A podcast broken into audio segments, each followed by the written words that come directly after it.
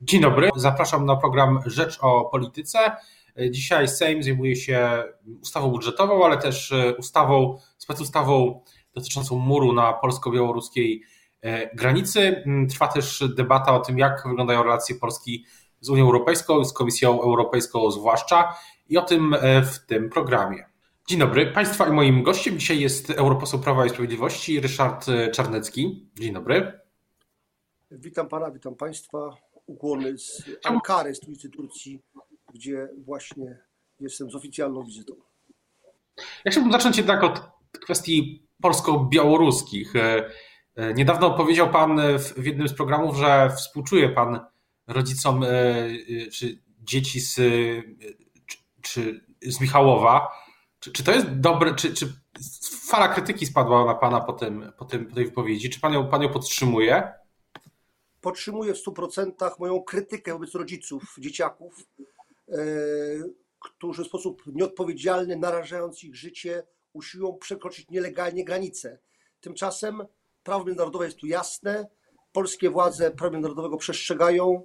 Wszelkie wnioski o azyl, czy też mówiąc ściślej, ochronę międzynarodową, e, należy składać e, oficjalnie w punktach granicznych a nie przedzierając się przez tą granicę i narażając własne dzieci.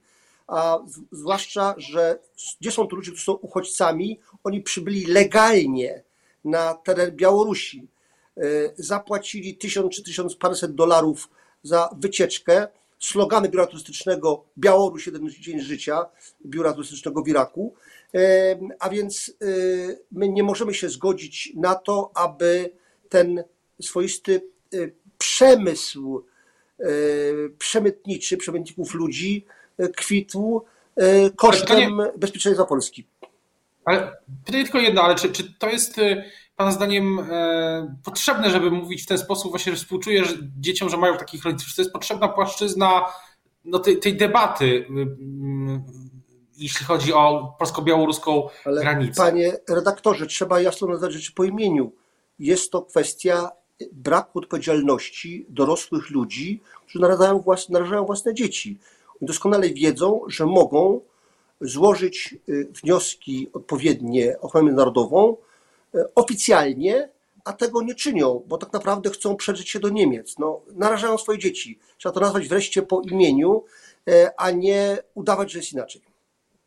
A czy, a czy, jest, jakaś, czy jest jakaś sprzeczność między tym, żeby granica była szczelna, a tym, żeby ludzie na niej nie, nie umierali? E, granica musi być szczelna e, i będzie szczelna, temu będzie służył mur. E, zwracam uwagę, że we wrześniu było przeszło dwa razy więcej prób nielegalnego przekroczenia granicy z Białorusi z Polską niż to było w miesiącu sierpniu, a było to w sumie 10 razy więcej niż w kwietniu.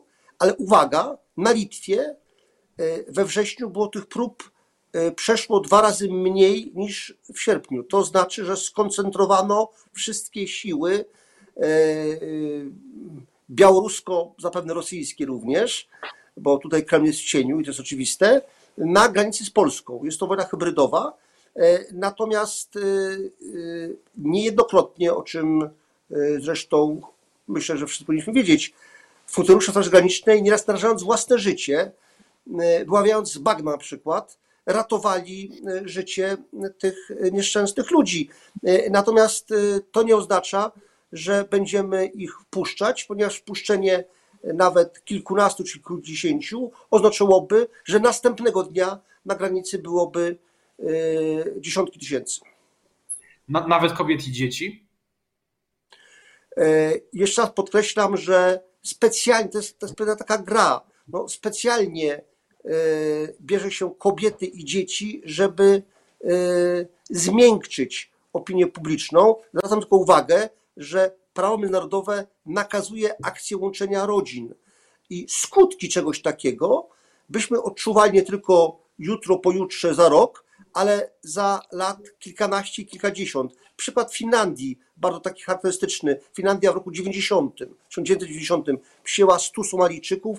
Teraz jest tych Somalijczyków e, po tych e, około 30 latach dane z końca zeszłej dekady, 28 tysięcy. To pokazuje, jak w wyniku akcji łączenia rodzin, w wyniku reprodukcji, czynników demograficznych, ta populacja rośnie i to samo było w Polsce. W związku z tym naprawdę bardzo przestrzegam przed uchylaniem nawet drzwiczek w tej kwestii. No ale w latach 90. Polska przyjęła mm, uchodźców z Czeczeni na przykład. To Bardzo dobry przykład, dziękuję, że Pan to powiedział. Polska przyjęła wówczas 90 parę tysięcy, prawie 100 tysięcy, ale 90 parę tysięcy dokładnie uchodźców z, Czeczeni, to byli prawdziwi uchodźcy. Przy czym, przy czym uwaga, przy czym uwaga, w Polsce zostało około tysiąca, reszta rozproszyła się po krajach Europy Zachodniej, głównie po czterech, Dania, Szwecja, Niemcy i Austria. E, charakterystyczne, że ci, którzy badają tą e, e, emigrację czeczeńską, którzy mają z nią kontakty, podkreślają ciekawą rzecz, że o ile ich rodzice to byli tacy umiarkowani muzułmanie, którzy byli daleki od radykalizmu, to niektóre z dzieci tych rodzin poszły walczyć do Iraku jako już fundamentaliści islamscy przestrzegam przed y, otwieraniem granicy, ponieważ to się może również tym samym skończyć u nas. A czy ten mur, którym y, mówiłem na samym wstępie, który Sejm y, chce powołać specjalną specustawę, który zresztą sprzeciwia się część opozycji, czy, czy on będzie skuteczny na pewno i czy on w ogóle powstanie tak szybko, jak to deklaruje rząd? E, mur będzie pomocny, nie można powiedzieć, że będzie panaceum, remedium, że załatwi wszystkie problemy. Będzie pomocny, będzie ograniczał możliwości nielegalnego wtargnięcia do naszego kraju, przekroczenia nielegalnie granicy państwowej Rzeczypospolitej Polskiej. Natomiast oczywiście e, sam mur nie wystarczy. E, działania opozycji w tej sprawie pokazują brak instynktu państwowego, mówię to bardzo twardo. Przykład Litwy, który podałem, jest charakterystyczny. Tam opozycja była zjednoczona z rządem w tej kwestii i media były e, absolutnie zjednoczone z rządem i tam ta liczba e, imigrantów spadła dwa razy w ciągu jednego miesiąca, między sierpniem a wrześniem. W Polsce wzrosło ponad dwa razy, właśnie dlatego, że ci, którzy kierują e, tym przemytem, a także reżim w Mińsku, także reżim w Moskwie, on wyczuł, że tu jest pewna słabość, jest miękkie podbrzusze i należy zaatakować Polskę i ta inwazja imigracyjna jest w tej chwili znacznie większa niż była. Zresztą to świadczy także po pierwszej dekadzie października, gdzie do Polski przybyło prawie 5600 ludzi, gdy przez cały wrzesień było ich około 7600. Ale czy, czy ten, w tym wątku jeszcze jedno pytanie, czy, czy potrzebne jest, skąd bierze się ten, ten taki właśnie, czy, czy, czy ten język inwazja, wojna, hybrydowa, on jest, on jest potrzebny w tej sytuacji, nie, nie prowadzi do większych napięć też w, w Polsce, nie, nie dehumanizuje trochę y, ty, tych ludzi na tej, na tej granicy? Wojna hybrydowa to pojęcie jest ukute przez ekspertów. Ona, ono określa pewną rzeczywistość. Trzeba nazywać rzeczy po imieniu. No, inwazja migracyjna jest też faktem. Nazywajmy, panie doktorze, rzeczy po imieniu, nazywajmy rzeczy takimi, jakimi one są. Y, y, nie używajmy eufemizmów w sytuacji no, zupełnie fundamentalnych dla bezpieczeństwa Polski. Pytanie też o, o relacje polsko-unijne. E, na ile e, da się wyprostować, czy jest w ogóle możliwe, żeby wyprostować e, te relacje, tak jak mówił niedawno wicemarszałek Ryszard Terlecki i na czym to miałoby w ogóle polegać? E, myślę, że leży to w interesie obu stron. Unia Europejska jest na zakręcie, jest po pierwszym exicie, bo nie liczę exitu Grenlandii e, w połowie lat 80., choć to wielkie terytorium, ale jednak politycznie mniej ważkie, zresztą nie było to terytorium państwa, tylko część terytorium Królestwa Danii. E, Wielka Brytania, kraj numer dwa de facto w Unii Europejskiej, centrum finansowe odeszło z Unii, to jest unijna klęska. Jeżeli dzisiaj Michel Barnier, były szef MSZ-u Francji, komisarz w Komisji Europejskiej, w sekcji Francji w Komisji Europejskiej przez lata i negocjator w warunku Brexitu zresztą, mówi, że jeżeli nic się nie zmieni, będą kolejne Brexity, jak to określił, to pokazuje, że Unia jest na zakręcie.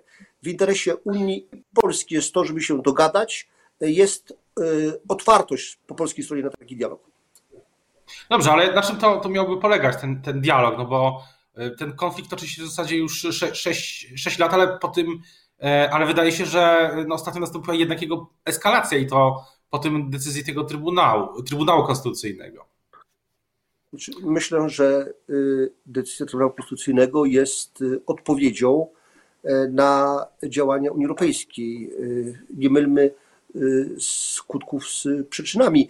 Natomiast co jest płaszczyzną potencjalną a mm, kompromisu, znalezienia pewnego konsensu, wspólnego mianownika, mówiąc językiem matematycznym, no myślę, że to o czym już y, wspomniał prezes Jarosław Kaczyński, czyli kwestia y, pewnych zmian y, w ustawach dotyczących wymiaru sprawiedliwości.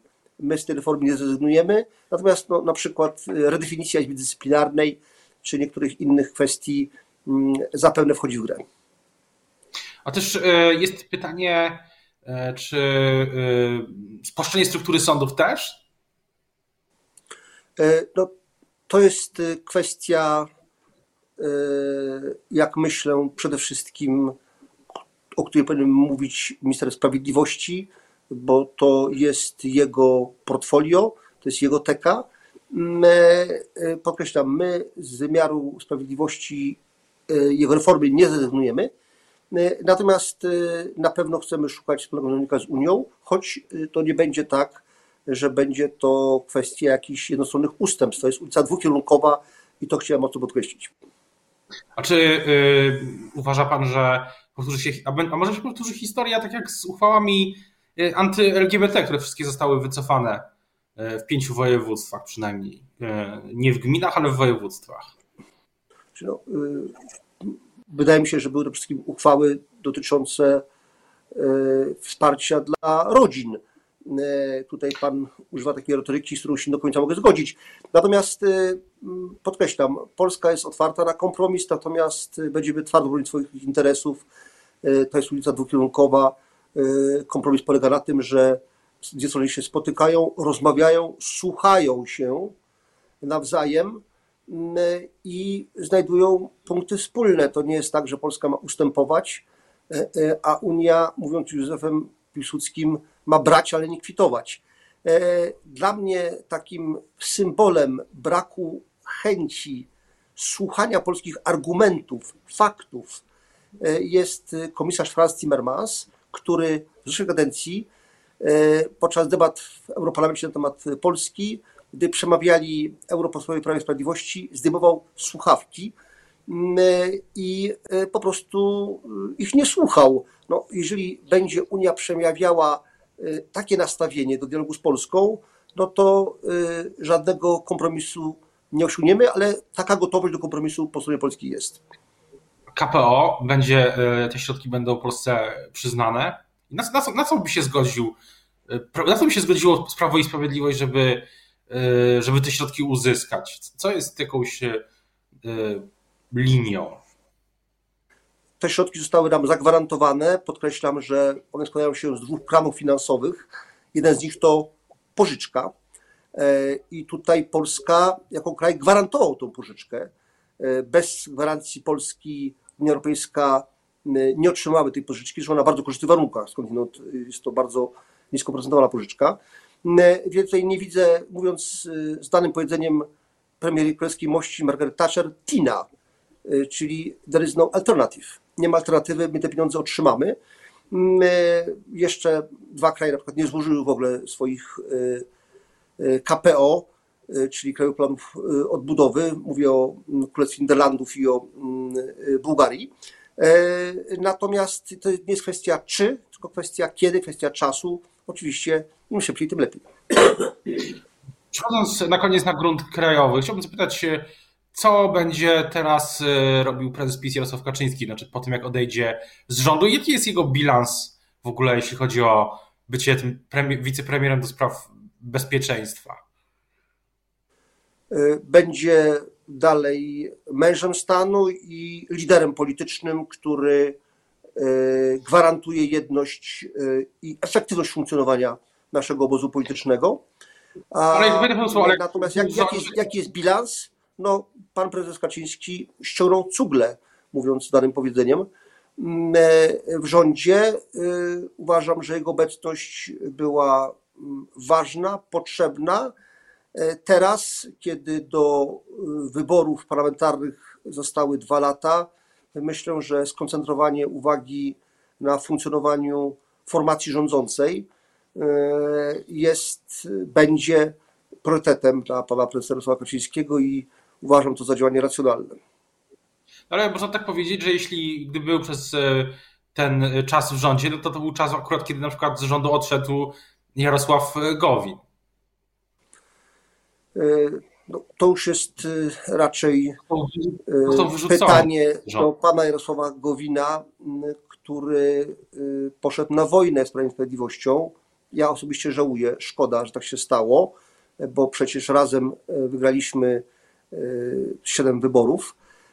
Natomiast no, to było, to senevrati, jak mówią nasi sąsiedzi Czesi, którzy właśnie chyba na szczęście zmienili Mm, zmieniają premiera mm, swojego kraju. Natomiast y, uważam, że ten bilans był pozytywny. Mówię o obecności prezesa Kaczyńskiego jako wicepremiera y, w rządzie Rzeczypospolitej Polskiej. Mianowicie, no jednak on spowodował y, pewne mm, wdrożenie mechanizmów funkcjonowania Rady Ministrów i zmniejszył wyraźne napięcia, które w rządzie były. Nie ma co tego ukrywać. O to myślę jeszcze będziemy, będziemy to analizować i pytać y, o te wszystkie sprawy wewnątrz. A bilans jego mm, dokonań jako, jako, jako szefa tego Komitetu Bezpieczeństwa, widzi Pan w ogóle jakiekolwiek jego dokonania właśnie w tej sferze? No, myślę, że y, koordynował działania w sferze niesłychanie wrażliwej, y, która okazała się większym wyzwaniem niż się spodziewano, no bo okazała się no kwestia owej inwazji imigrantów, pozwoli Pan, że tego słowa jeszcze raz użyję, uważam, że był potrzebny w rządzie, ale cały czas pozostaje liderem obozu politycznego i decyzje rządu będą z nim z całą pewnością wszelkie, kluczowe, uzgodniane. Będzie prezes Kaczyński reżyserem, który w dalszym ciągu będzie reżyserował E, e, polską e, politykę, co dla polskiej polityki jest rzeczą pozytywną. Powiedział Pan wcześniej, że, że wybory będą za dwa lata, a czy to nie jest tak, że powrót, odejście prezesa Kaczyńskiego z rządu oznacza, że wybory będą wcześniej? Że prezes Kaczyński chce przygotować partię na szybsze wybory? Naszą intencją nie są wybory wcześniej. Chcemy, żeby były w terminie konstytucyjnym, czyli 2023 jesień. Do tego zmierzamy. Nie uważam, aby Polsce były potrzebne wcześniejsze wybory. Prawo i Sprawiedliwość też tak nie uważam. E, o tym, czy wcześniejsze wybory będą, czy nie, na pewno będziemy jeszcze o tym, e, do tego tematu wracać. A na koniec tylko jeszcze, czy uważa Pan, że e, większość Prawa i Sprawiedliwości w Sejmie jest bezpieczna? Bo wczoraj była taka historia, że kilku posłów sprzymierzonych z Zjednoczoną Prawicą, z PiSem, ze środowiska Adama Bilana na jednym z głosowań się nie pojawiły, nie pojawiło? E, myślę, że e, jest to kwestia, mówiąc wprost, bo oglądałem ludzi, którzy znają się na polityce, jest to kwestia e, ostatecznych decyzji odnośnie kształtu rządu, powstania nowego resortu, ponownie resortu sportu, być może proszonego turystykę.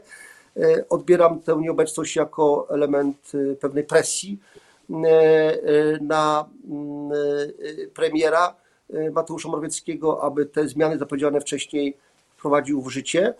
Natomiast wczoraj pan prezes Jarosław Kaczyński potwierdził, że te zmiany będą. Nie sądzę, aby takie sytuacje miały miejsce w przyszłości. O tym też będziemy wspominać. Teraz bardzo dziękuję za rozmowę Państwa i moim gościem. Dzisiaj europoseł Prawa i Sprawiedliwości, Ryszard Czarnecki. Dziękuję bardzo. Dziękuję bardzo, kłaniam się.